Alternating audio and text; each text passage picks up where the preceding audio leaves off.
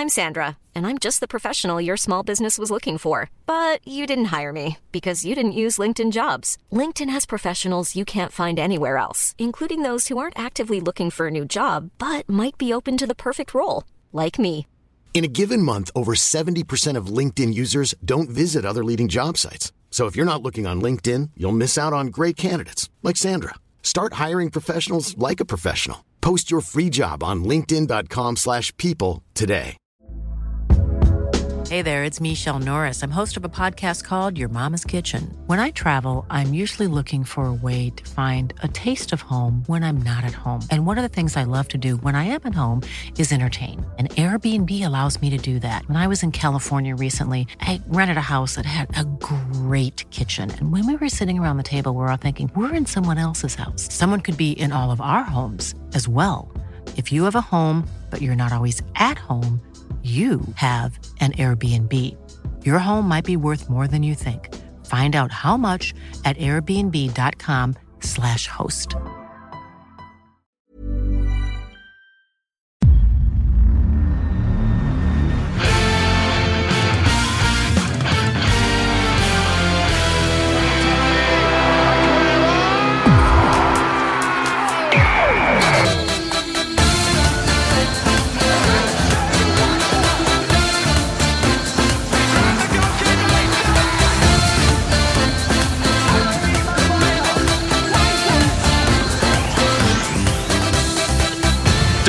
Säger vi hjärtligt välkomna tillbaka till ett nytt avsnitt av Rule Britannia. Det är eh, så här ett par dagar in på ett eh, landslagsuppehåll och eh, om det har varit en hektisk höst Fabian så är det något, eh, jag vet inte, i hästväg som väntar när vi sparkar igång om drygt eh, tio dagar.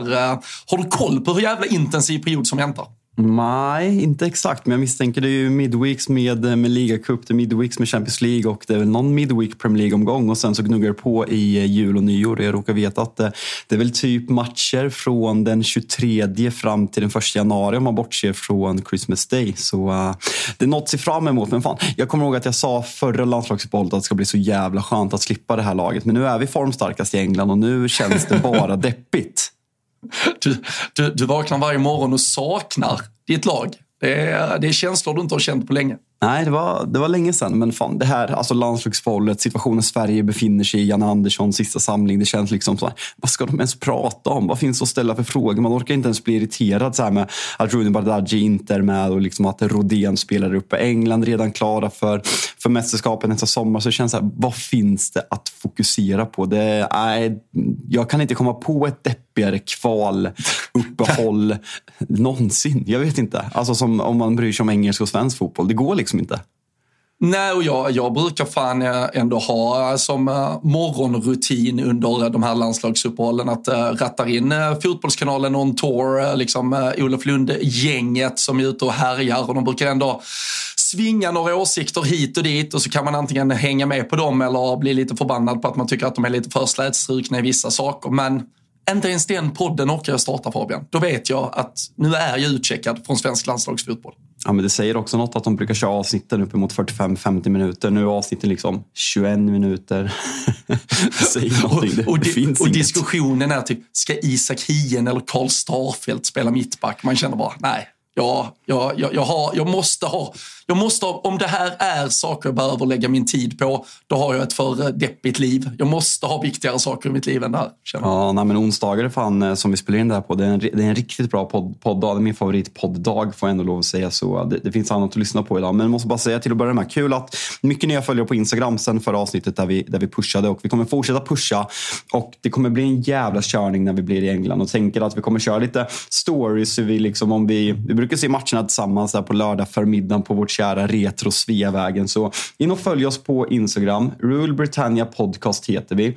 Vi är nu, hur ska jag se hur många vi är i värmen. Det här blir jättebra podd när jag sitter och live-kollar. Vi är 459. Fan, ska vi upp till 1000 innan vi åker till England? Innan vi kommer hem från England ska vi upp på 1000 i alla fall. Så in och följ Rule Britannia Podcast på Instagram så är ni jättesnälla.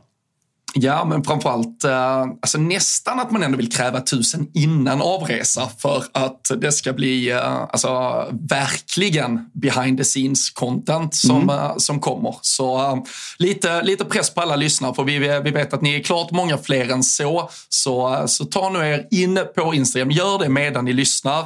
Sök upp det, Följ, häng med och eh, så lovar vi fan att eh, ni, ni får tillbaka under nästa helg när vi eh, sticker över till England. För då, då kommer det bli väldigt kul att följa med. Etihad står som skådeplats lördag förmiddag, City Liverpool och sen Goodison Park. Metallskiten ska skaka när Maguire nickar in 1-0 till United. Mm. Synd att John Evans är skadad, för annars hade man ju velat se det eh, mittbacksparet. Så, nej, men det, ska bli, det ska bli ruggigt kul och eh, framförallt så börjar jag fila på, på barrundan som vi ska på efter, eh, efter Manchester City-Liverpool. Och det är en 12.30 avspark, så det börjar ju tidigt. Ska hitta något lunchställe där nära Ancoast där City spelar och sen så, sen så går vi vidare och det är sånt där ni kommer få se om ni följer oss på Instagram. Så tusen pers innan så blir det 5 plus content, annars landar vi nog bara på 2 plus content. Då, då stängs det vid 18.00.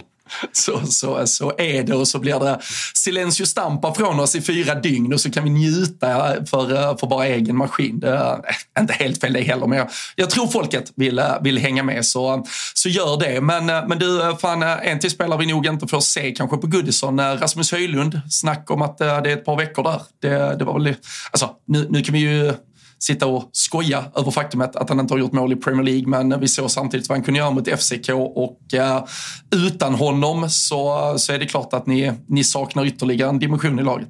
Han har, jag tänkte säga att han har en presence där uppe, men jag ska inte använda sådana ord. Så han har ju en närvaro. Fan vad töntigt det låter.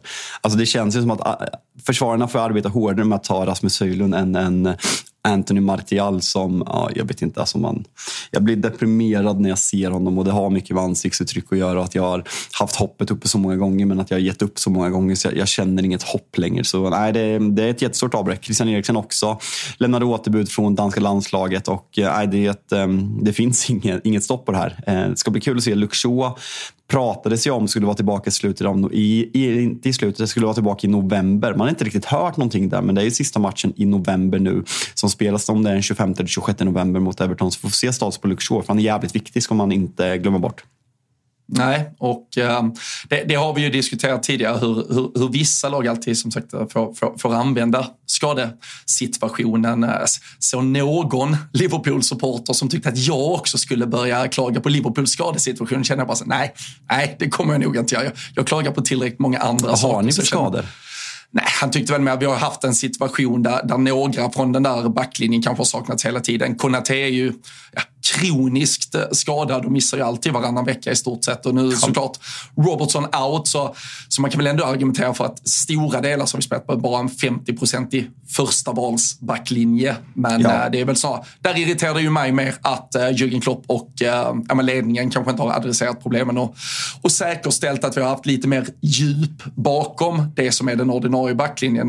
nu, nu, nu var alltså, så här, Europa League-omgång fyra mot Toulouse. Då ska man väl kunna slänga in Gomes, Matip, Kwanza och, och Tsimikas. Men när man såg alla de fyra samtidigt så såg man ju att det är ju inte, ja, det är inte, det är inte nivån jag vill att Liverpool ska, ska ha. Simikas är steket nu. Jag eh, måste ändå ge dig rätt för en diskussion och en volley. Jag vet inte, du är ju väldigt... Eh, du gillar ju att göra förgnugget medan jag kanske är den av oss som tar saker mer på känsla och eh, killgissar. Men när du sa att Arsenal mer och mer har blivit ett Declan Rice-Arsenal så var det kul när en lyssnare skickade in sen att Arsenal alltså är det laget i hela Premier League som är inblandad i matcher med minst målchanser. Både om man liksom räknar upp snittet hur många målchanser det blir i matcher så är Arsenal ganska tydligt eh, på sista plats. Eh, vilket eh, ger det väldigt rätt i din spaning att Arsenal inte är så frejdigt och fröjdigt som man var förra säsongen stundtals som man bara öste framåt och även släppte in ganska mycket mål. Sen är det ju frågan som vi också ställde och som jag har lite svårt att svara på. Det kanske är en blandning där. Vill Arteta att det ska bli så här? att man lärde sig av den där våren när City gick i, i kapp och eh, och, eh, och stängde igen där bak? Eller är det liksom att det kanske inte flyter så mycket där uppe så att man kanske prioriterar defensiven och att Declan Rice har kommit in i det här laget och gjort det. Men eh, det, det var en snygg spaning, det får jag ändå ge det.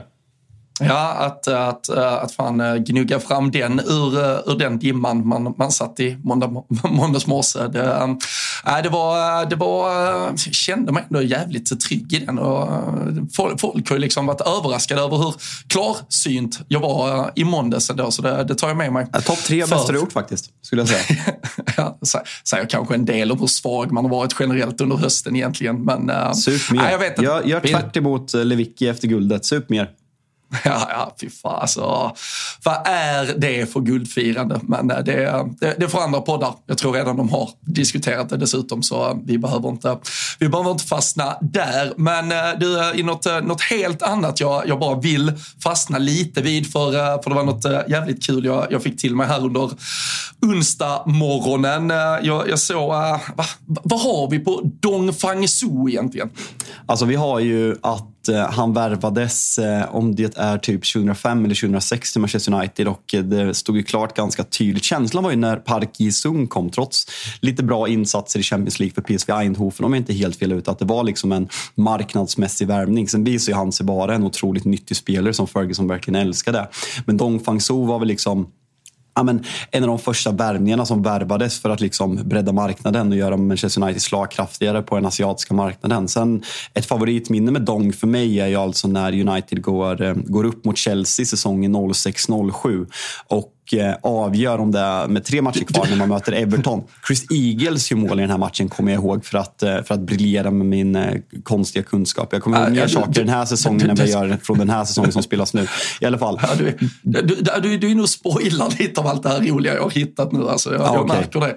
Jag ja. märker det. Men äh, han, han kom ju som sagt, som du, jag tror han kom en säsong tidigare än vad du, du, du hade där först. Men var ju mest bara utlånad till Antwerpen tror jag. Han, han fick inget arbetstillstånd under de första åren i England. Men eh, man har det ju sen under 06-07 säsongen och eh, precis som du är inne på, han gör alltså en enda start i Premier League. Och, och den gör han alltså den 9 maj eh, 2007 när eh, Manchester United har säkrat ligatiteln och ni alltså går en eh, Guard of Honor när ett eh, otroligt, på den tiden, bra Chelsea-lag istället står uppradade. Och eh, alltså, Sir Alex Ferguson, han gillade ju att eh, visa var skåpet ska stå så att säga. Och alltså att skicka in den här elvan för att gå en Guard of Honor, det, det är bland det Alltså, sätter du hur många sätter du från den där elvan han skickar ut?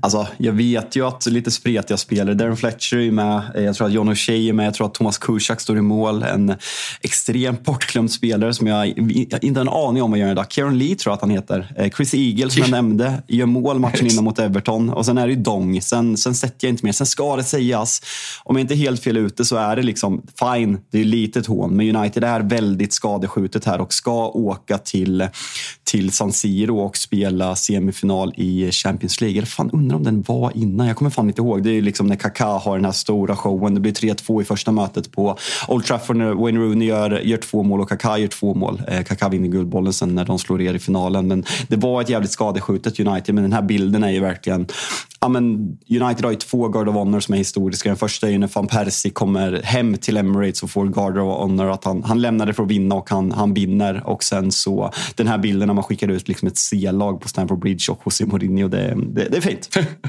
ja, för fan. Ja, men det, du, du, du sätter det mesta här. Fan, det visar att uh, det, var, det var skarpa hjärnor på, på den tiden uh, i, i Norrköping. Fråga uh, någon förra elvan. Jag kan inte en spelare. Uh, alltså Thomas Kuszak i målet. Det är en fyrback med Wes Brown, Gabriel Heinze, lagkapten, John O'Shea och Kieran Richardson. Det är den här Kieran Lee som man alltså, har ingenting på. Darren Fletcher och Alan Smith på ett mittfält. Chris Eagles, Dong Fang Su och er stora tränare Ole Gunnar Solskär kliver på också. Just, ja. uh, ledda då av uh, Sir, alltså, Och det är ett Chelsea-lag med liksom, det är John Terry, det är SEN, det är Makelele, Paulo Ferreira, Cudicini. Alltså, visst, det är lite B-betonat men alltså, många av de riktigt stora spelarna förtjänar. 0-0 dessutom, så ett jävla fint resultat gänget löste på Stamford Bridge. Men uh, så liksom uh, är det man uh, take the piss av, av någonting. Jag, jag uppskattar Alex Ferguson. Jag, jag hade faktiskt missat den här skitelvan han skickar ut. Så jag blev, jag blev glad när det nådde mig den här morgonen, sådär 16 år senare. Det är så fint när man går in, jag går in på Kieran Lees eh, Wikipedia här. Han ja, men ganska bra karriär. Höll sig i Oldham, liksom ligger ju precis nära Manchester, Paul Scholes eh, eh klubb som han tränade ett tag, 117 ligamatcher. Sen ett steg uppåt får man ändå lov att säga. Sheffield Wednesday 196 ligamatcher mellan 12 och 20 och sen avslutade han faktiskt karriären med två säsonger i Bolton eh, och avslutade karriären i somras 35 år gammal. Så ändå en habil karriär för Kieran Lee får man ändå säga. Ja, fan inte trodde man när vi drog igång den här podden att vi under hösten skulle fastna i Kieran Lees äh, fantastiska karriär. Men, äh, men det är så det kan gå, det är så vi kan spreta i äh, Rule Britannia. Gör man minst två avsnitt om den engelska fotbollen varje vecka så kommer det vara högt lågt, det kommer vara aktuellt och det kommer fan också vara lite gamla godbitar. Så man får allting man kan tänka sig kring den engelska bollen genom att prenumerera på Rule Britannia och eh, det, det, hoppas jag att alla som lyssnar nu gör. Man, man, man gör väl det, liksom. man söker ju inte upp poddar Fabian. Man prenumererar på sin podd och gillar man podden då ger man den fan fem stjärnor också där ute i sin poddspelare. Ja, nej, men det, fan, det kom in ett eh, 20-tal betyg senast så fortsätt betygsätta oss på framförallt Spotify men även podcasters såklart så, så uppskattar I'm Sandra and I'm just the professional your small business was looking for. But you didn't hire me because you didn't use LinkedIn jobs. LinkedIn has professionals you can't find anywhere else, including those who aren't actively looking for a new job but might be open to the perfect role, like me. In a given month, over 70% of LinkedIn users don't visit other leading job sites. So if you're not looking on LinkedIn, you'll miss out on great candidates like Sandra. Start hiring professionals like a professional. Post your free job on linkedin.com/people today.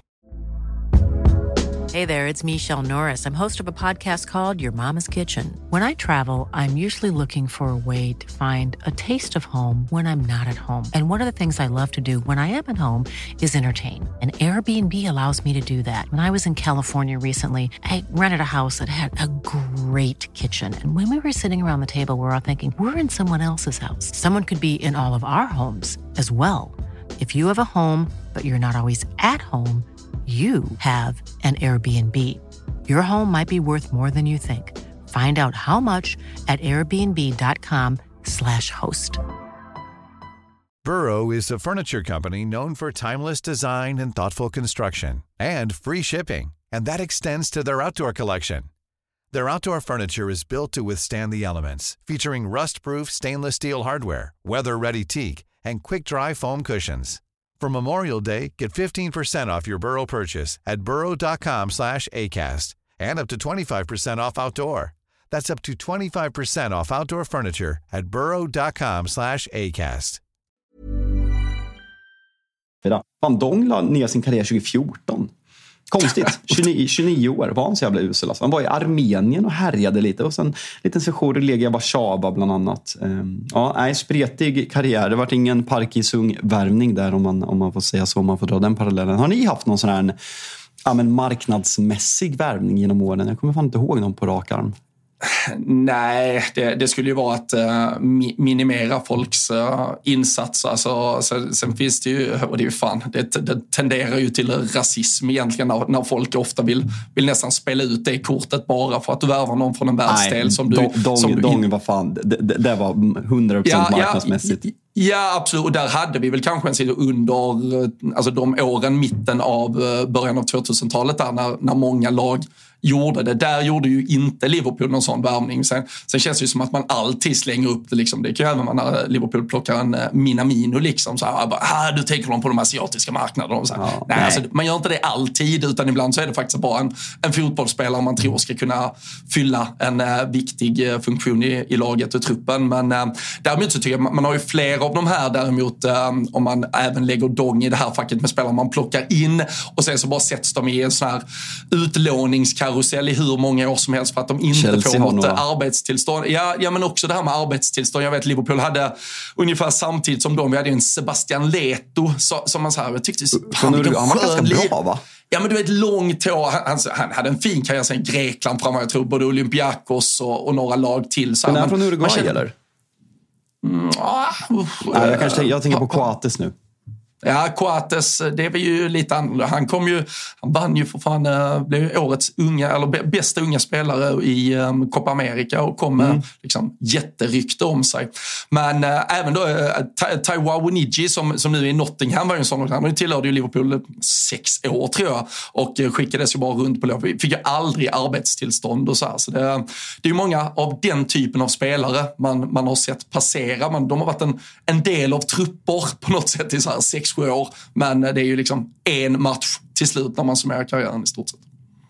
Ja, nej, det, är ett, eh, det, det, finns ett gäng rövspelare om vi får uttrycka oss så genom, genom åren som man skulle kunna fastna länge i. Alltså bara ta det där marknadsmässiga, alltså David Beckham till, till Real Madrid det är också en marknadsmässig värvning. Så det är liksom inte bara spelare från Asien som har, har gått den vägen. David Beckham såklart en högkvalitativ spelare men kanske inte att Real Madrid värvade honom för hans kvaliteter på fotbollsplan. Framförallt, det är bara att kolla dokumentären liksom hur man ökade marknaden i Asien och man åkte väl till, eh, jag kommer inte ihåg om det är Japan eller Kina man åker till första försäsongsturnén som det är liksom helt Beckham-mania om vi slänger oss som ett Beatles-referens. Så det, det, finns i, det finns i alla världsdelar. Ja, så jävla fint från dokumentären hur, hur förbannad det är. Äh, Salgado som är ett otroligt äh, talking head äh, rakt igenom. Men, men hur förbannad Nej, och sen framförallt så han får ju typ föra talan för hela laget. Alla var bara så fan, alltså vi tyckte det var rätt gött på försäsongen normalt sett. Nu behövde vi liksom åka världen runt och uh, vara en del av den här, uh, återigen då, cirkusen. Så uh, det, det, är klart att uh, det fanns ett före och efter i det där omklädningsrummet när uh, David Beckham klev in. Men du, tänkte bara kort, vi, vi bara kan fastna lite vid, du nämnde ju Rooney Bargi i, i förhållande till den där landslagstruppen truppen som vi kan tycka är hur deppig som helst. Du fick se honom göra 4-3 målet på Parken förra veckan. Och Ehm, som ett brev på posten så har det börjat komma lite rykten om en flytt till ett eh, större lag. Och lika självklart som att det ryktas kring honom så känns det väl självklart att Brighton är med i den där leken. Eh, det är ju klippt och skuret väl så här om man gör en snabb analys. Ja, men det hade, det hade varit en superrolig övergång. Sen är frågan vad han skulle kosta. Liksom, alltså Yasin Ayari kunde man ändå ta skapligt billigt från, från AIK för att han hade inte riktigt slagit igenom. Han Låt oss inte jämföra de nej, två spelarna. Nej, men det är där jag menar. Att, att, att Yasin Ayari hade liksom gjort en halv bra säsong i AIK och slagit igenom medan Rooney Bardghji liksom varit på tapeten ganska länge och liksom värvades som en supertalang och redan liksom, han är väl topp tre i skytteligan i Danmark på väldigt få minuter. Så frågan är vad det här skulle kosta. Men som sagt, att ha både Yasin Ayari och Rooney i, i Brighton för svensk del skull och svensk framtids skull så hade det ju kittlat väldigt mycket även om Yasin Jari nu är utlånad till, till Coventry. Men som sagt, alltså det är bara att kolla vad Brighton har gjort. Och liksom.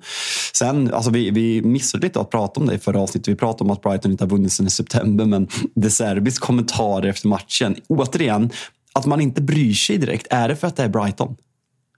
Ja, Ja, men det är det. Man alltså, landar de... väl i det. Ja, men för så här, det har inte fått jättemycket uppmärksamhet. Han sa väl bara så här, ja, men jag, jag hatar 80 procent av domarna i Premier League. alltså, på tal om att jag har lackat på att Arteta inte är, att man måste vara saklig i sin kritik om vi ska komma någonstans. Nej, jag hatar. Alltså, jag, jag känner ju för, alltså du om någon borde ju älska det här uttalandet. Du hatar väl i och för sig 95 procent eller någonting. Men eh, ja, det, det, det är speciellt sagt. Ja, ja alltså på tal alltså hade det, herregud, hade det varit en, eh, en Klopp eller en eh, som så Arteta eller någon annan, då hade det ju varit Ja, men för det första så mycket spaltmeter och så mycket virala klipp och eh, dessutom med all säkerhet avstängningar. Nu, nu, vet jag inte hur det här har hanterats så att säga, från, från domarhåll och från ja, men förbundshåll. Jag vet inte om det kommer komma någon reprimand på det framåt, men alltså, det är ju klart det är, det är, klart det är speciellt att sitta på en presskonferens och eh, förklara hur mycket man, man hatar det. Det var väl eh, Mahmoud Dahoud va? Som, eh, som får ett rött kort här senare som han bland annat diskuterar. Men nej, det, alltså de, de, har ju ändå, nu lyfter vi ju till exempel Thomas Franks kommentar, lyfter ju vi upp, men det blir också så här, det var ju för att de mötte Liverpool, alltså det måste nästan alltid finnas en storklubbs touch för att det ska få den jättestora spridningen. Vi, vi har också eh, nu under tisdagskvällen här som det kom det här Micked Up där eh, Howard Webb som ordförande i domarföreningen är ute och eh, jag ändå möter upp kritik eller frågetecken i media. Jag tror väl han gör det både för TNT och Sky Sports där, där de då väljer ut fyra, fem, sex eh, situationer från eh, senaste månaden. Gå igenom dem, hur det har hanterats från eh, domarhåll, från VAR-håll. Och alltså alla de här stora situationerna vi har haft senaste veckorna med såklart Newcastle-Arsenal eh, i, i kanske allra mest fokus. Eh, du hade, eller ni hade, Manchester United den här millimeter-offsiden på Maguire där det dessutom var diskussion kring huruvida han var involverad i spelet eller inte. Och så här. Men, men alla de här situationerna som då fått så mycket uppmärksamhet, de kunde ju ändå konstateras och förklaras var ganska korrekt dömda och framförallt i alla fall korrekt um, alltså, um, genomförda, om vi säger till protokoll från domarhåll. Det enda som var ett klart och tydligt fel som Howard Webb um, erkänner, det är ju Newcastle som får en straff mot Wolverhampton istället. Där Wang ska spela bort bollen, det blir en pytteliten touch på Kär, men det är en ganska tydlig förstärkning och filmning från Kär. Okej, okay, så efter den senaste månaden, det enda uppenbara felet domarna har gjort, alltså så här, sen kan vi tycka att de har gjort fler fel, men det enda uppenbara de erkänner, det är alltså en situation med Wolverhampton. Har vi hört någonting om den egentligen? Liksom? Nej, nej, såklart vi inte har. Så det är ju klart att det är storklubbarna som sätter den här agendan. På gott och ont då att mindre klubbar kommer ju undan med mer. De kanske kan uttala sig, de kanske kan vara lite mer förbannade, men de kommer ju också ha jävligt svårt att bryta igenom bruset och typ kunna vinna fördelar framåt. För det det är ingen som ger dem den uppmärksamheten. Nej, och sen alltså, bara den här. Jag gick ju på något sätt ut och förstod domslutet eh, som Manchester United fick emot sig. Alltså, det var ju väldigt många Manchester United-supportrar som varit upprörda. Det är väl lite att alltså, droppen som fick bägaren att rinna över, att vi har haft mycket 50-50 emot oss. Och det är liksom som de säger i den här videon, det är ett subjektivt beslut. Tycker man att Harry Maguire mm. påverkar försvararen så att målet ska dömas bort? Och jag tycker väl att när man lyssnar på det här, fine, det tar för lång tid och det är inte den fotbollen jag vill ha. Den diskussionen behöver vi inte ta, men jag tycker ändå att liksom sakligheten, hur man pratar i det här, hur den assisterande VAR domaren kliver in och börjar prata på eh, Maguire offside påverkan eventuellt eh, spelet och att de tar ut domaren till sidlinjen. Det är så här det ska funka och det är det här jag köper och jag köper även ja, men Howard Webbs kommentarer om situationen mellan Arsenal och Newcastle som har blivit liksom den stora snackisen att ja, det finns inte tillräckligt. Han bara säger det kan vara en foul. Det är troligtvis en foul på Joe Linton, men det finns inte tillräckliga bevis för att liksom gå emot ett on-field decision på de här videorna eftersom det är liksom, folk målar upp stillbilder. Man ser ju inte någon på någon riktig video exakt. Alltså att Gabriel är i obalans ganska tidigt tycker jag påverkar. Så jag tycker ändå att det är kul att se att det här kommer ut. Så det, det är något positivt, även om det är en repig skiva att prata om det här så är det ändå kul att de, att de tar upp de här situationerna som vi har suttit och pratat om väldigt mycket de senaste, matcherna, de senaste veckorna. Ja, ja och, det, och, så, och det enda man någonstans kräver eller, kräver eller förväntar sig som eh, någonstans är hemläxan som ska göras och den, den förbättringen, det, det är ju att man vill försöka få någon, alltså tydlighet, lite, så raka och tydliga linjer det nu går att få kring bedömningarna. Vi, vi hade ju igen då med, i Liverpool-matchen Costa Simikas på det, på det inlägget där Mohamed Salah står i, i ren chock i stort sett och nickar in den och fattar inte om det är mål eller alltså, inte. Målvakten, skiter han i att rädda eller? Jag vet inte, eller står han bara på fel stå, ja, stå, eller står han bara på fel ben och, och ja, ja, nej, det, det, är ju, det, är ju, det är ju en märklig jävla situation på alla sätt och vis oavsett. Men men där blir det också bara, jag, jag, tycker det är helt rätt att godkänna så att säga, det målet. Jag tycker det är rätt att godkänna att det i alla fall spelas vidare i Newcastle Arsenal med tanke på att vi inte ser hundraprocentigt. Problemet där blir ju då att vi hade situationen med Rashford till Höjlund mot Brighton där man valde att kliva in utan att man hade hundraprocentiga bevis på att den här mm. bollen var över linjen. Så det, det är ju sånt bara så att allt det här måste ha gått igenom innan säsongen. Vad finns det för tusentals märkliga situationer som kan uppstå. Kan vi få en situation där det ser ut som bollen är ute, men där vi inte vet att den 100% är ute? Hur gör vi då? Och så ska det vara klart innan säsongen så att vi inte får två olika regelböcker under säsong. Det är ju det som jag tror gör folk mest förbannade kring det här. Fan, jag ser nu att det har kommit för 55 minuter att Citys eh, ekonomiska resultat för mm. förra säsongen har kommit. Ja, men 713 miljoner pund i omsättning. Ja, men det är all time record för English football. Ehm, mm. Det är kul för dem, alltså, så här, när de knappt kan fylla sin egen arena, att de ändå är så överlägsna på den ekonomiska och marknadsbiten. De måste ha ja, men väldigt duktiga säljare i den där klubben som liksom når ut så mycket till, ja, men till sponsorer och sådana saker. Så kul för Manchester City att man toppar även denna lista. Ja, nej, det, det där... Uh, vi, vi, öppnar inte ens de där böckerna och vi, vi öppnar inte den där asken där eh, vi ska försöka eh, säga vad vi, vad vi tycker eller tror om hur eh, City kan bokföra sig till den ekonomiska toppen. Det vi, det vi däremot inte diskuterade förra avsnittet och jag vet inte, det kanske var för att det inte hade kommit så, så viralt senast från, från den där City-Chelsea-matchen. Har du sett bilderna på Matteo Kovacic när Cole Palmer gör 4-4? Nej, det har jag faktiskt inte. Jag har sett någon klipp när Cole Palmer går fram till en City-frispark och Haaland, han ska lyssna vem som ska ja, ta den och Haaland knuffar bort honom. Men Kovacic har jag inte sett. Nej, vi får väl vi får eh, dela det i våra kanaler i så fall. Men äh, Cole Palmer, alla kan historien. Han, äh, gammal sittspelare, kliver ju fram, gör, gör mål. Chelsea räddar därmed poängen. Kovacic, gammal Chelsea-spelare, knyter näven, kör det lilla oh, vad gött att det blev 4-4. Jättemärkligt att förstå vad Kovacic eh, sysslar med. Ifall han typ tror att han är Chelsea-spelare i eh, en hundradel sekund eller om han, eh, vet fan, han kan ju inte vara glad för Cole Palmer heller. För de har ju gått liksom åt varsitt håll. Mm. Eller typ den här, jag vet inte om man, du har sett den ibland, man har sett domare som knyter lite näven när det blir mål ibland. Och det är ju ofta att de har visat en fördel. Till, alltså det ser ju såklart jävligt fel ut, men typ att de så här, jag, jag gav fördel, Eh, Tottenham utnyttjade fördelen och gjorde mål, då kan ju ändå domaren vara lite nöjd med sig själv. Att ja, fan, de fick den där fördelen, de utnyttjade den. Här vet jag inte om det är typ Kovacic så här att ja, men jag sa till Ederson, han kommer lägga den i det alltså så här, att jag, jag gav honom ändå chansen att ta det. Så, äh, den är supermärklig. Nu, äh, nu hade ju såklart också Kovacic någon skada så han inte kan åka på landslagsuppehåll eller landslagssamling noterar jag. Men äh, märkligt agerande. Jag, jag ska slänga ut äh, klippet äh, så får väl Chelsea och City-supportrar försöka tolka vad fan det är Kroatien sysslar med. Känns det inte som att det är mycket skador nu sista omgången när många lag är klara för EM redan? Ja men herregud. Alltså, Tror, tror du, eh, ja, där är ju verkligen inte allting klart, men självfallet så åker ju inte Ederson till eh, Brasilien heller för att spela med, eh, med landslaget där, utan får ju Alisson kliva in. Han är ju tvåa bakom Ederson annars i den där landslagstruppen. Ja, men Alisson har väl tagit platsen? Har ni inte, pratade vi inte om det här för några, några veckor sedan? Att Alisson har tagit platsen?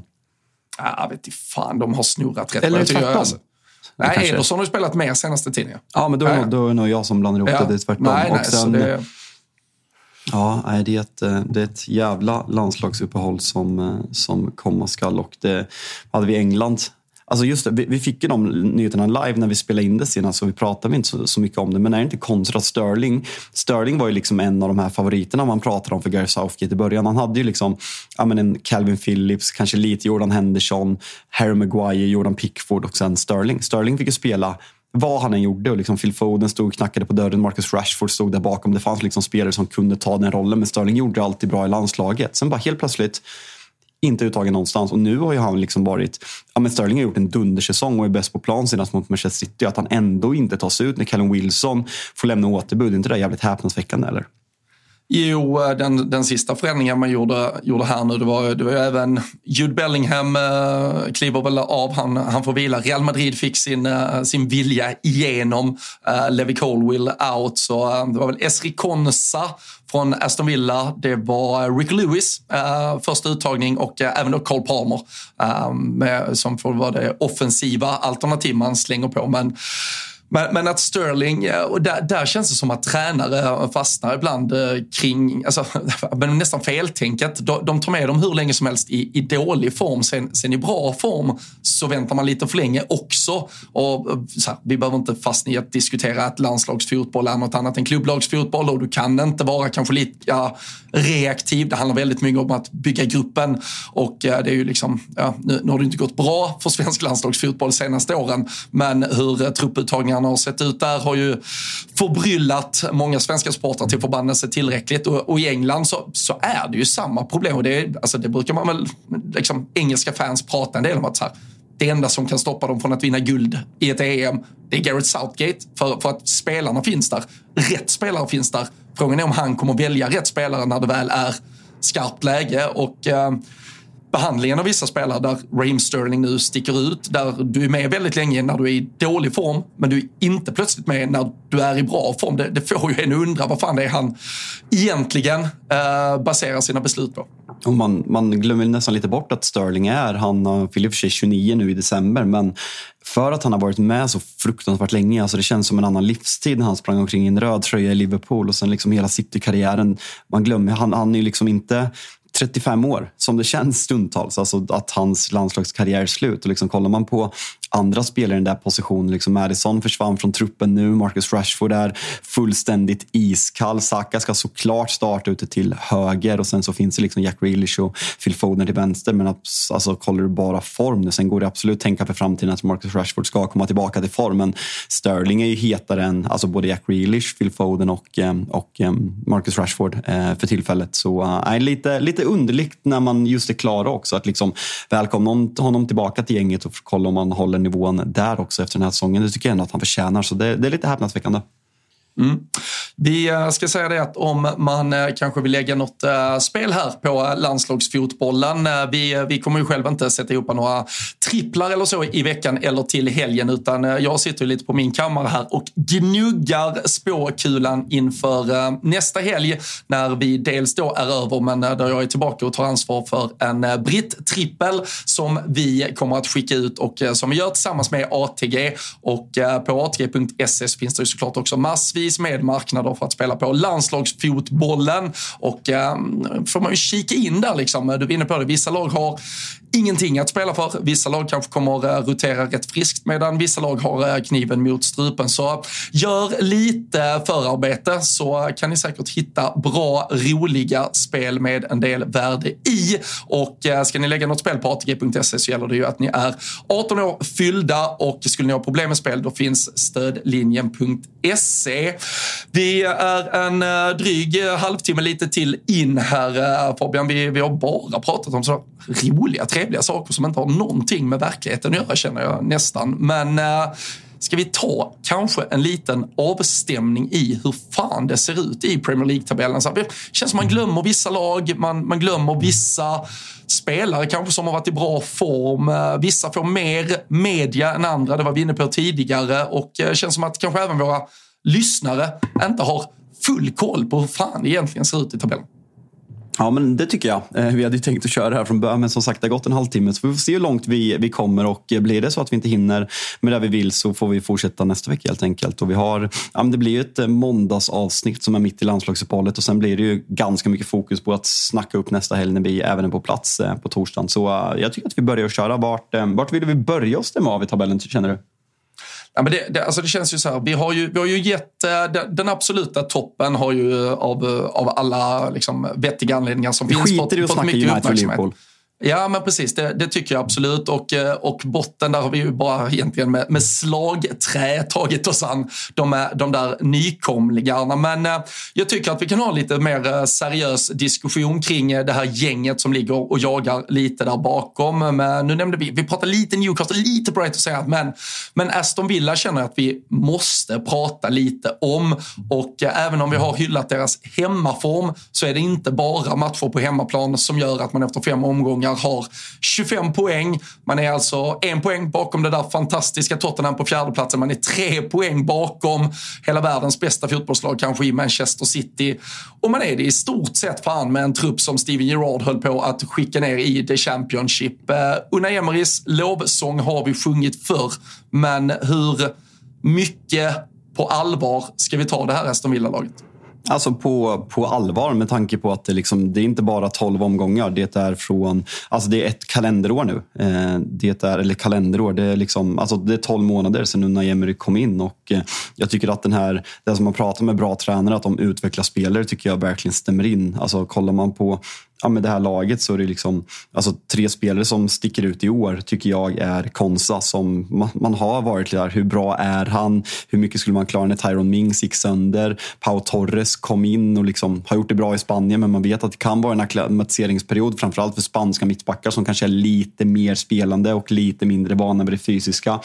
Ollie Watkins har väl visat att han är att han är på riktigt, att han kan leda en anfallslinje i ett lag som ska slåss om de här platserna. Och sen så tycker jag att en spelare snackas lite för lite om är Douglas Luiz på det där centrala mittfältet. Alltså fem mål ja, i år. Alltså jag tycker han är ja, men helt otrolig. Och just den här grejen att man, man har fått träff på de flesta värvningarna. Framförallt sen Unai Emery kom. Det var väl några liksom som, som värvades innan eh, under Steve Gerard och även eh, Smith för Jack Grealish-pengarna. Men alltså de värvningarna man har gjort senaste halvåret, jag tycker i stort sett att man har fått träff på alla och jag tycker inte alls att det är en slump att man ligger där. Så jävla roligt lag att, eh, att se och det är kul att man visar att man med, alltså, med små medel låter ju fel, för man har förmodligen spenderat mer än eh, varenda klubb i hela toppeuropa förutom Bayern München, Real Madrid, Barcelona och eh, ja, man har spenderat mer än hela Italien. är väl känslan. Så det är inte med små medel direkt, men att man, man kan hitta värde i marknaden även på den här nivån. Liksom Villa som låg på det, ja, men ganska ex, exakt ett år sedan nu som när Emery kom in och eh, man låg väl på, vad låg man, 17 plats någonting där i den stilen? Ja, man, låg, man låg väl strax över strecket, men man hade ja. ju sannoliken ett nedflyttningshot eh, hängande över sig med, med tanke på hur svag eh, den där inledningen var. Så det, eh, nej, det är ju, och, eh, och som du sa, nu hade man ju den där liksom, stjär, stjärnsmällen i premiären också. Man släpper in fem på St. James' Park. Sen dess dessutom då Men en Tyron Mings som linkar av och, och där kände man väl att okej, okay, här har vi suttit hela sommaren och snackat upp detta Aston Villa. Nu, nu får man den körningen plus då det som ska vara ledaren och tryggheten där bak skadad och, och med risk för att missa hela säsongen. Men, men sedan dess, som du alltså Ensri Konsa som nu dessutom då belönas med, med um, landslagsplatsen um, och eh, Pau Torres. Eh, sedan sen dess så är det 12 insläppta mål på 11 matcher och eh, dessutom då samtidigt öst på med 29 framåt. Det, det är näst bäst i ligan offensivt och ja, räknar vi bort Newcastle kan man ju alltid hitta statistik som är fördelaktig när man får börja räkna bort saker. Men med tanke på att den, den ändå är lite av ett unikum så, så är man dessutom då ett av de bästa lagen försvarsmässigt. Så man, man har ju verkligen satt båda delarna här. Och ja, man har ju fått, eh, och jag tycker, alltså, som du är inne på, Douglas Luiz. Jag vet det pratades eh, både lite Arsenal, det, så här, det slängs alltid in ett Liverpool. Det pratades större lag om honom för redan för ett och ett halvt år sedan och då kände väl jag så här, ah, lite för oslipad. Jag, jag, jag, ser att det kan finnas någon högsta nivå men det kändes också som att han hade ett par riktigt eh, djupa dalar i sig. Um, där, där, finns väl alltid någonting kanske där, där, där jag känner så här, vad, vad, är det för karaktär, vad är det för typ av spel? Men, men helvete med vilket, eh, ja men alltså med vilken självklarhet och med, med ett ansvarstagande. Han har inte heller varit given hela tiden men, men han har ju verkligen vuxit ut på det där mittfältet. John McGinn dessutom som, så här, där, där pratar vi ju ett, en, en, aura. Ja men en aura och en look som bara är så här, sådana här spelare ska inte göras. Alltså det är liksom Charlie Adam-vibbar i stort sett. Och eh, och så är han ändå bara så otroligt jävla bra. Liksom. Det, det, är ett, eh, ja, men det är ett härligt jävla gäng de har satt ihop i Aston Villa också med karaktärer och spelare som man eh, kanske hade svårt att bedöma på förhand men där alla verkligen har eh, levt upp och levt ut och eh, fullständigt levererat den här säsongen. Ja, men det pratas ju alltså i media om att Arsenal är tillbaka med intresset och liksom ska kika läget för Douglas Luiz i januari. Men det där, liksom, vad skulle en sån spelare, liksom 25-åring, kosta idag? Alltså vi pratar ju uppemot... 70-80. Liksom, Ja, nej, men exakt. Och det, det kommer inte Arsenal lägga på en central mittfältare. Det är liksom, nu är Thomas Partey skadad hela tiden, men man har Jorginho, man har Declan Rice, man har eh, Partey, man har eh, Ödegård framför, man har Fabio Vira, man har eh, den nya Xhaka, Kai Havertz. Så uh, ska man lägga de pengarna på den positionen, det skulle kännas väldigt, väldigt konstigt.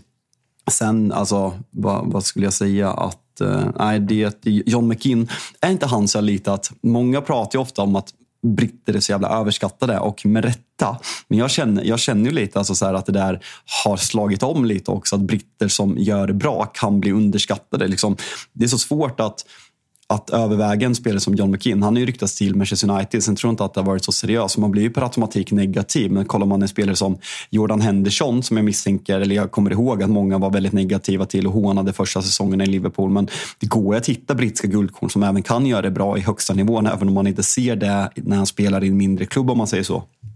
Jo, nu, alltså, inga liknelser i övrigt och, och spelstilar hit och dit, men men alltså John McKinn är ju bättre än, han är bättre än Amrabat, han är bättre än Christian Eriksen skulle jag säga. Han är bättre, han är bättre än, hela vårt mittfält. Ett par, ja, ja, nej, det finns.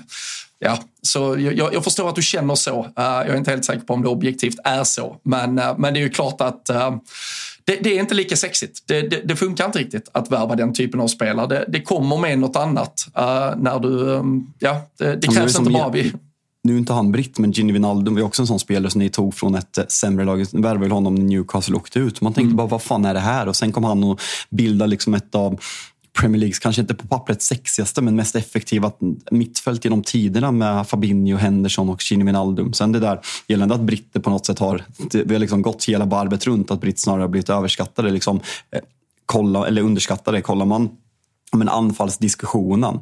Alltså om, om du pratar med gemen, gemene som inte sympatiserar med ett Premier League-lag de senaste fem åren. Om du frågar liksom, vem är världens bästa anfallare? Är det Lewandowski, är det Benzema eller är det Harry Kane? Då hade ju i stort sett ingen svarat Harry Kane. Och det är samma sak nu. Alltså folk kollar på det är sur om liksom Lautaro Martinez som snittar ett mål per match i, ja, men i en ganska svag Serie A. Det liksom, det, man pratar såklart om Haaland som har gjort 13 mål på 12 matcher i Premier League. Men sen har man återigen där, folk pratar bara om att han har missat två pokaler. Men 17 mål på 11 Bundesliga-matcher för Harry Kane Nej, i liga. Nej, men alltså, han är helt otrolig. Där har en underskattad spelare, helt sjuk nog. Ja, nej men det, det är alltså så här, man, man, kan verkligen som, som motståndarsupporter ha, ha tyckt och tänkt saker om Harry Kane, men jag vet vid, vid de få tillfällena man, man ändå bara har slängt upp uh, frågan så här hypotetiskt, uh, hade man liksom velat spränga banken på honom för att typ ta honom till ett Liverpool till exempel, alltså alla dagar i veckan. Alltså, och, alltså, när vi hade Salah och Mané dessutom, alltså, i den alltså, tänk att ha en Harry Kane i det laget oh. också. Fy Nej, då hade, det, då hade det varit åka av det. Vad var det, det förresten? Nu skulle vi inte prata Liverpool, men jag såg, jag läste inte hela, men Bobby Firmino var det någon intervju. Vad sa han om relationen mellan Mané och Salah där? Om du bara Nej, han, han, Ja, ja men precis. Det är, ju, det är ju boksläpp eh, nu och eh, då, då kommer ju dess alltid eh, liksom ett par lös... Jag ska inte säga att det är lösryckta för det, där ligger alltså, men, det är, men det är ju klart att han, han gav lite sin syn och, och öppnade dörren kring hur det har varit att vara liksom, i, i mitten mellan två så stora dels fotbollsspelare men också egon. Och det, det om något har, har väl jag alltid lyft som kanske egentligen deras största styrka. Jag, jag vet ju att mycket folk på sociala medier, motståndarsupportrar, en del också Liverpool-supportrar har varit så här förbannat. ja, men kolla där, du ser Sadio Mané borde ju ha passat Salah, Salah borde ha passat Mané. De, de gillar inte varandra. Och så, här, och så kanske det var. Det är lite det Firmino är inne på. Att, ja, men det kändes ibland som att de så här, tävlade mer för sin egen skull än för att själva liksom, eller göra det bästa alltid för laget. Men där vänder jag nog på det och ser det snarare som att det som gjorde det bäst för laget var att båda två hade exakt den inställningen. För det gjorde att Mohamed Salah drev på sig själv till att vara bättre än Mané. Mané drev på sig själv till att vara bättre än Mohamed Salah. Och visst, något mål kanske vi hade gjort fler ifall de passade till varandra. Men vi gjorde också nog, tror jag, i slutändan ännu fler mål av faktumet att de sparrade varandra på det sättet de gjorde. Så, så, så här, jag köper helt det för mig. Jag tycker inte det är liksom, det är inte breaking news att Mohamed Salah och Mané kanske inte var helt överens om allting. Båda två ville nog se sig själv som den stora stjärnan. Det var ju säkert en konkurrenssituation i slutet där Mohamed Salah lite drev Mané till vansinne och drev ut honom från klubben för att han inte kände att han fick den uppmärksamheten han förtjänade. Det blev ju också en situation där han vinner afrikanska mästerskapen men Salah fortsatt ändå är stjärnan och så vidare. Men jag tror det gynnade Liverpool mer att båda de två var som de var än att det på något sätt skadade Liverpool att de två tävlade lite mot varandra. Ja, fattar, fattar. Nu fick vi lite villa. Har vi något annat vi vill gå igenom eh, innan vi eh, Ja, men vi, alltså jag, tycker att, jag tycker att vi kan ta ett litet omtag kring Chelsea också egentligen, vart, vart deras säsong kan ta vägen. Nu, nu parkerar man på en ja, men exakt mittenplats. Eh, 10 är man just nu. Man har en eh, liksom, rak och symmetrisk resultatrad med fyra vinster, Fyra kryss, fyra förluster, 16 inspelade poäng. Newcastle väntar. Vi har sett dem ha höga toppar, en del väldigt djupa dalar. Men eh, alltså, spretigheten offensivt är ju lika delar eh, förbryllande som lite charmig. Men eh, det, det, känns ju som att det måste in någon struktur, det måste in någon som tar lite ansvar. På tal om statistik jag har sett i veckan så har ju faktiskt Conor Gallagher visat, han har ju faktiskt bättre papper än vad Declan Rice har den här säsongen i typ alla parametrar. En spelare, återigen, britt som kanske inte får så mycket uppmärksamhet, speciellt inte på det miljardstinna mittfältet i övrigt. Men eh, vart tror vi att Chelseas eh, säsong tar vägen nu? Alltså, det där är ju million dollar question. Alltså, det är jättesvårt. Alltså, när vi pratade med Joanno på början och liksom många pratade om att det ser spännande ut och vi ställer frågan liksom, men vad ska man ha för målsättning? Alltså, det känns som att folk bara ja, men garvar åt Chelsea och att man har att man har värvat extremt mycket spelare. Men han sa ju liksom, att målsättningen måste vara Champions League när man har värvat för de här pengarna. Och dit, jag vet inte, alltså så här, kollar man på lagen som ligger där uppe, Aston Villa undervärderas nog för att de heter Aston Villa. Brighton likaså. Brighton kommer inte hålla, ska vi dock säga. Newcastle. Mm. Ja, men där, där, tycker jag att det börjar liksom stöka lite. Tottenham får vi se. Det är 10 poäng från, från Chelsea, men kan Chelsea få in en Koko och han kommer in i laget på ett bra sätt? Då håller jag absolut inte som otvivelaktigt att Chelsea skulle kunna sluta topp fem. Men man måste ju börja lära sig att vinna de här matcherna när man kontrollerar spelet, framförallt på hemmaplan mot sämre lag på, på pappret. Det där är ju något som Chelsea United är helt omvända på. Att United slår de sämre lagen. Det gjorde man förra året också. Vi minns att Fulham som kom på tionde plats var enda laget Manchester United slog på bortaplan. Man spelade bra på hemmaplan och man slog i stort sett alla lag på under halvan. Chelsea helt tvärtom. Man gör sina bästa matcher mot de bästa lagen och det är en styrka i sig. Men samtidigt, majoriteten av matcherna är matcher man på pappret ska vinna när du pratar om Spurs som oddsfavorit hela tiden och det är ett problem för Chelsea. Så där måste man verkligen ändra på det så att man börjar vinna de här enkla matcherna.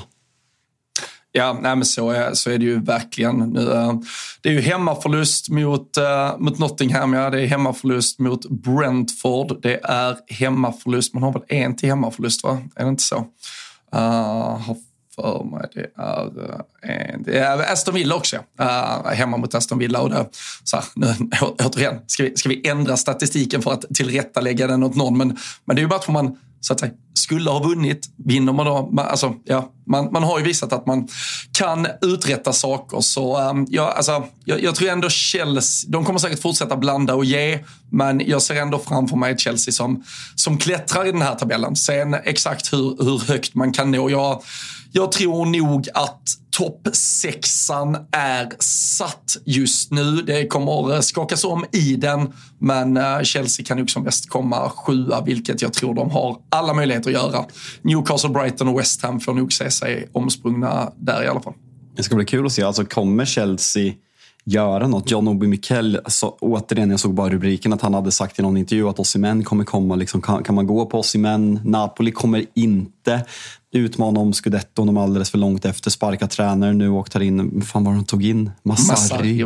Ja, mm. Svanen mindre nöjd med den rekryteringen och bara liksom ett halvårskontrakt i stort sett. Så det känns som att man har gett upp den här säsongen. Sen vet jag inte hur mycket pengar Chelsea har redan nu i januari, men få in Osimhen där, spela en Kuku. Sen vart ska en Kuku spela? Ska han spela på en kant? Ska han spela släpande? Och spelar han släpande, då rycker Conor Gallagher från det där mittfältet. Så ja, men mycket frågetecken samtidigt som Mudryk Sterling är jävligt ojämna. Cole Palmer är riktigt bra. Sen är det liksom lyxproblem att ha så många högkvalitativa spelare. Men det ska bli kul att se hur de spelar när en Koko kommer in. Och sen så, sen, alltså backlinjen, man släpper in för mycket mål. Eh, Thiago Silva är han tillräckligt bra att starta i en fyrbackslinje för ett lag som ska utmana om de högsta platserna? Jag tycker nog inte det. Jag tyckte att han blev ganska skyddad förra säsongen när, eh, när Chelsea väldigt ofta spelade med en, en femback. Eh, kanske framförallt eh, under Thomas Tuchel, men jag tycker att han blir ganska blott lättad i en fyrbackslinje, framförallt mot lag som ligger på omställning och eh, Chelsea har ändå släppt in ganska mycket mål i viktiga matcher den här säsongen. Så eh, det där är ett problem som man måste liksom lösa, eh, tycker jag. Sen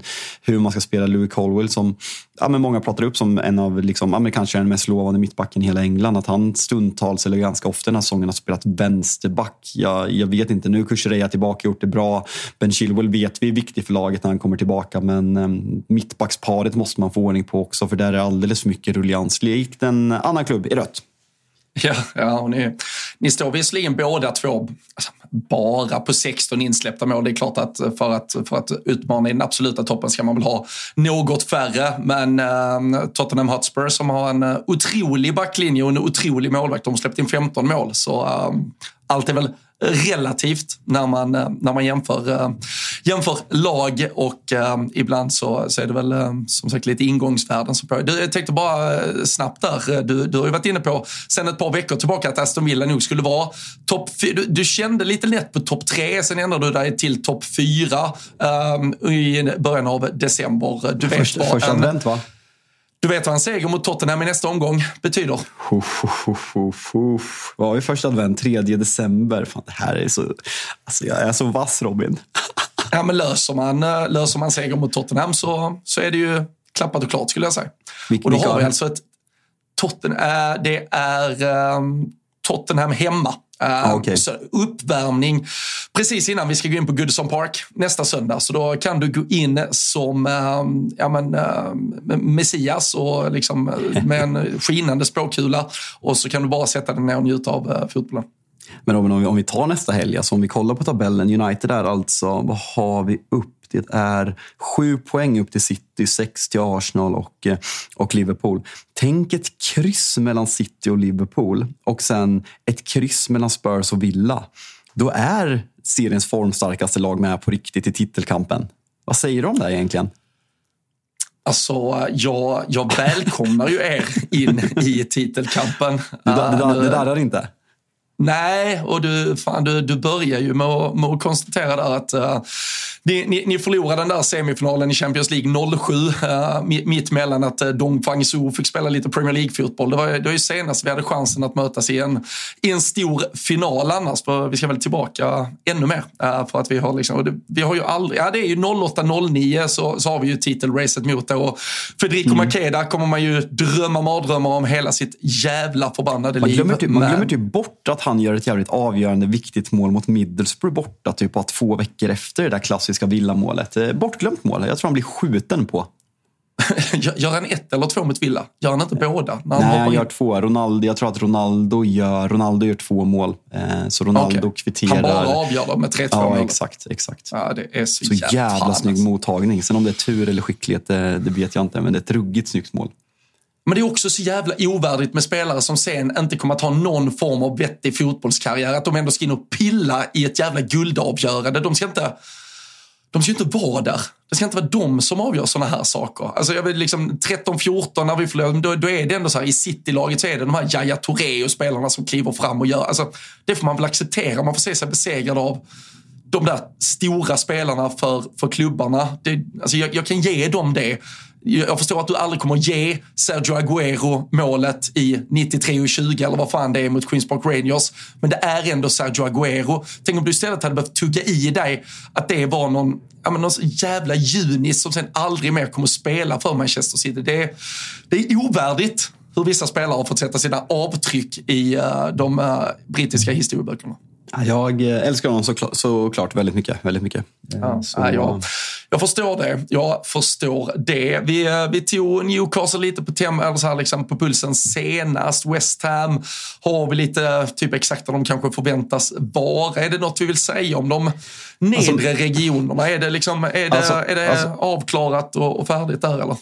Ja, men alltså med West Ham, alltså så här, jag vad ska man egentligen... Alltså West Ham är ett av de luddigaste lagen som finns i Premier League. Alltså man tycker att liksom, kollar man på laget, de börjar få väldigt mycket alltså, på rätt plats. Liksom, Kudus kommer in från Ajax, som har fått in Alvarez också. Han från, från Ajax som har varit riktigt bra. Där mittfältet med Tomas Zuzek eh, som liksom har växlat upp ännu mer efter Declan Rice och Lucas Paqueta som vi båda tycker om väldigt mycket. Anfallslinje med Jared Bowen som är en av Premier Leagues hetaste spelare. En ganska habil backlinje. Men likt väl så ligger man nia och man är så här... Man, är, man blandar och var tuffa på hemmaplan med att göra riktiga plattmatcher. Återvänder vi igen till att man kanske måste byta tränare för att ta nästa steg? Eller är det precis här West Ham ska vara? För en del av mig ser ju liksom att det Aston Villa gör, det skulle West Ham kunna göra med en, med en bättre tränare. För det finns förutsättningar, det finns en arena, det finns en stad, det finns en grundkapacitet i laget, det finns liksom framtida pengar som kommer komma in om man ska sälja, men kanske framförallt Alvarez och Paketa Paquetá, Bowen skriver på ett långtidskontrakt nu. Men finns det inte möjligheter att ta kliv för West Ham? Eller är det bara så här att West Ham ska vara tolva och spela i Conference League varannan säsong. Jag, jag vet inte. De kändes på gång för två, två år sedan. Sen har de platssäsongen förra året, men då kryddade de upp den genom att vinna en europeisk titel. Så äh, konstigt lag och liksom svårt att få grepp på hur det, hur det känns som supporter. Vad man ska ha för förväntningar och förhoppningar med att hålla på West Ham under David Moyes. Alltså, kommer West Ham nia och de är involverade i eh, ett par liksom, sjöslag som man har varit. Eh, man, tar, man tar Chelsea, man, kan, man, man är också ett lag som ändå tenderar att utmana storlag lite då och då. Så de har ju däremot platt match i sig.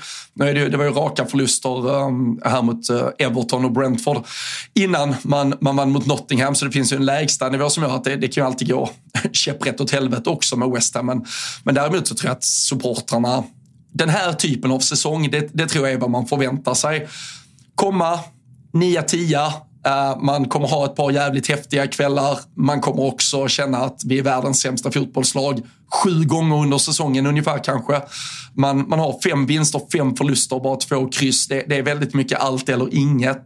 Och eh, nu, nu har det väl varit mer regel än undantag kanske de senaste säsongerna att något storlag har varit rätt så svaga. Vi har ju som sagt Chelsea på en tionde plats nu. Vi har ett ett Liverpool som har haft några bottennapp, ett United som har haft något bottennapp, Tottenham mm, något säsong där de inte har kommit upp i, i, standard och det är klart att då kan man ju ta något steg till men, men allt det realistiska är ju att vi kanske har en topp 6, eventuellt en topp 7 beroende på Newcastles satsning.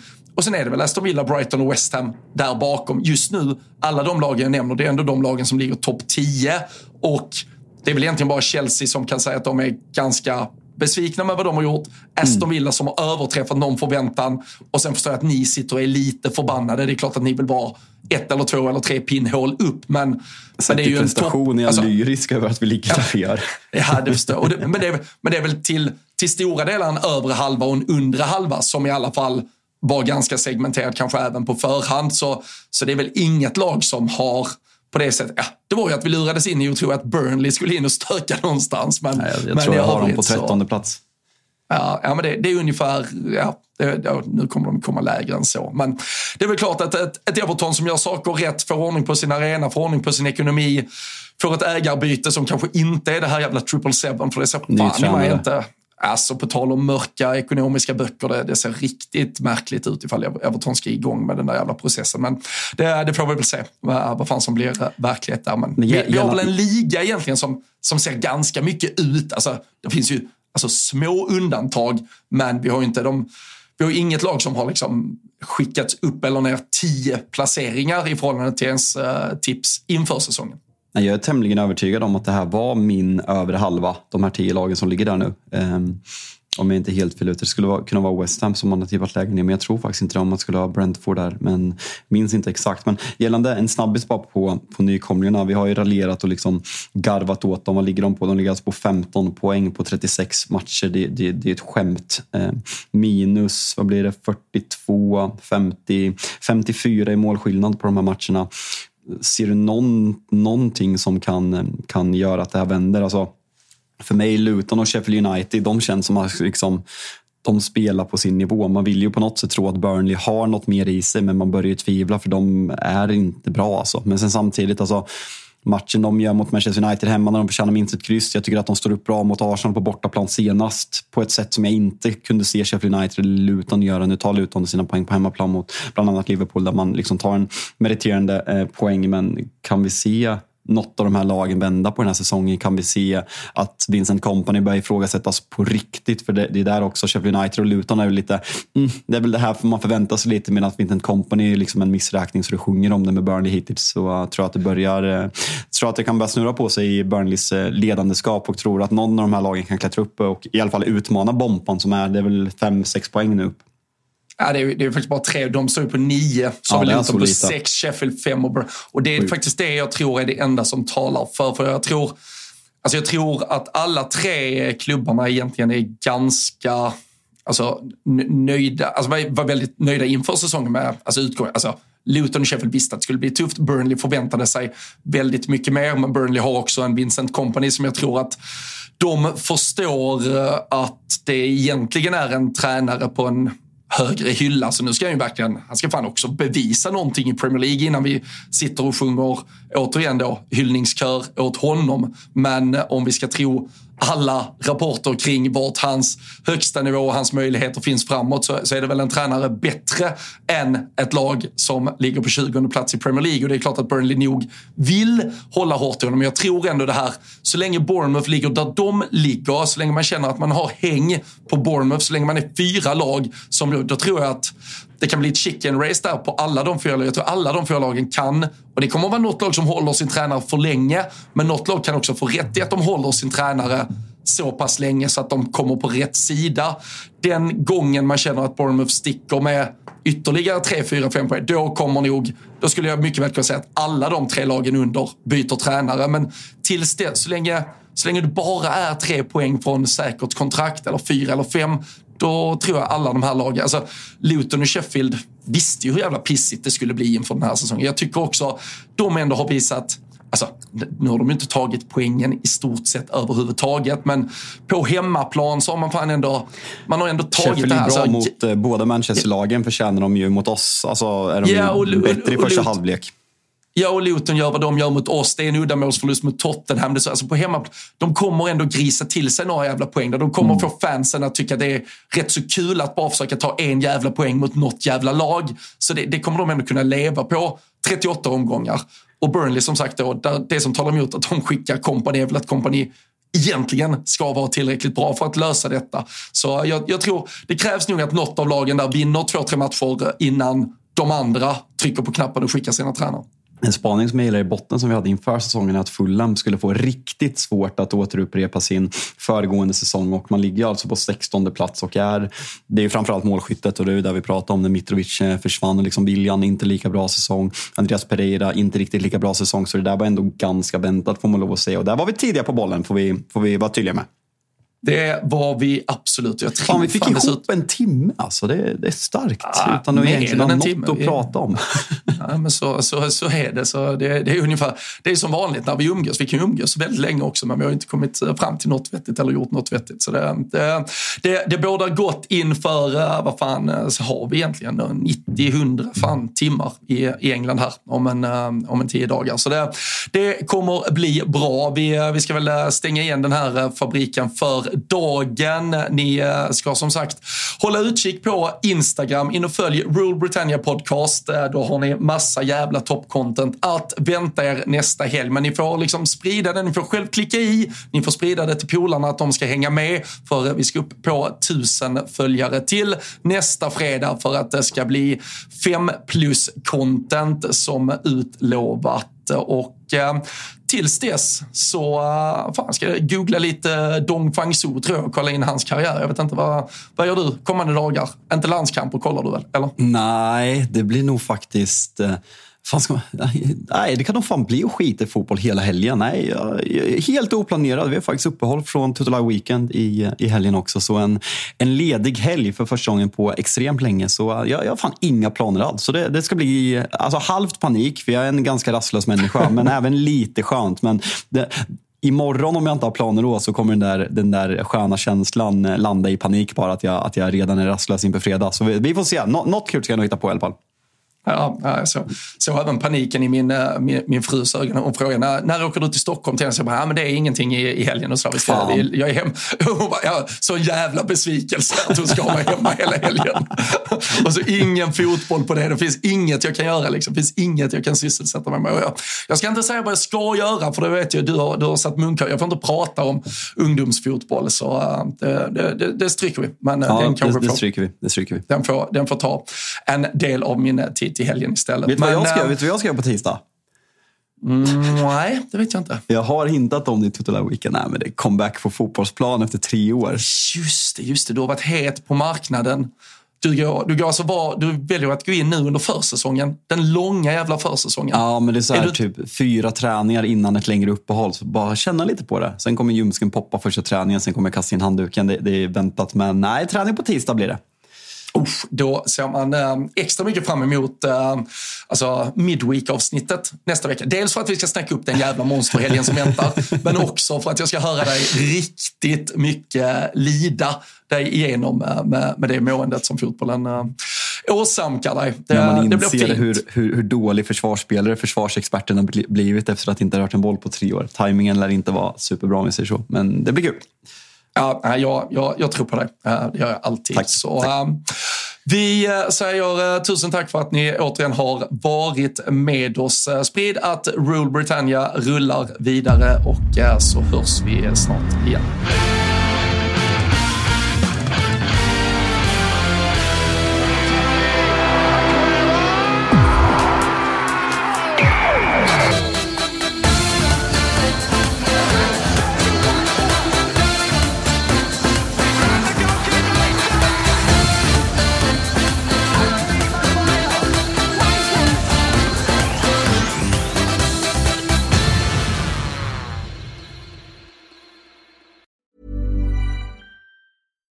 Deserves the best, and there's no better place to shop for Mother's Day than Whole Foods Market. They're your destination for unbeatable savings, from premium gifts to show-stopping flowers and irresistible desserts. Start by saving 33% with Prime on all body care and candles. Then get a 15-stem bunch of tulips for just $9.99 each with Prime. Round out Mom's menu with festive rosé, irresistible berry chantilly cake, and more special treats. Come celebrate Mother's Day at Whole Foods Market.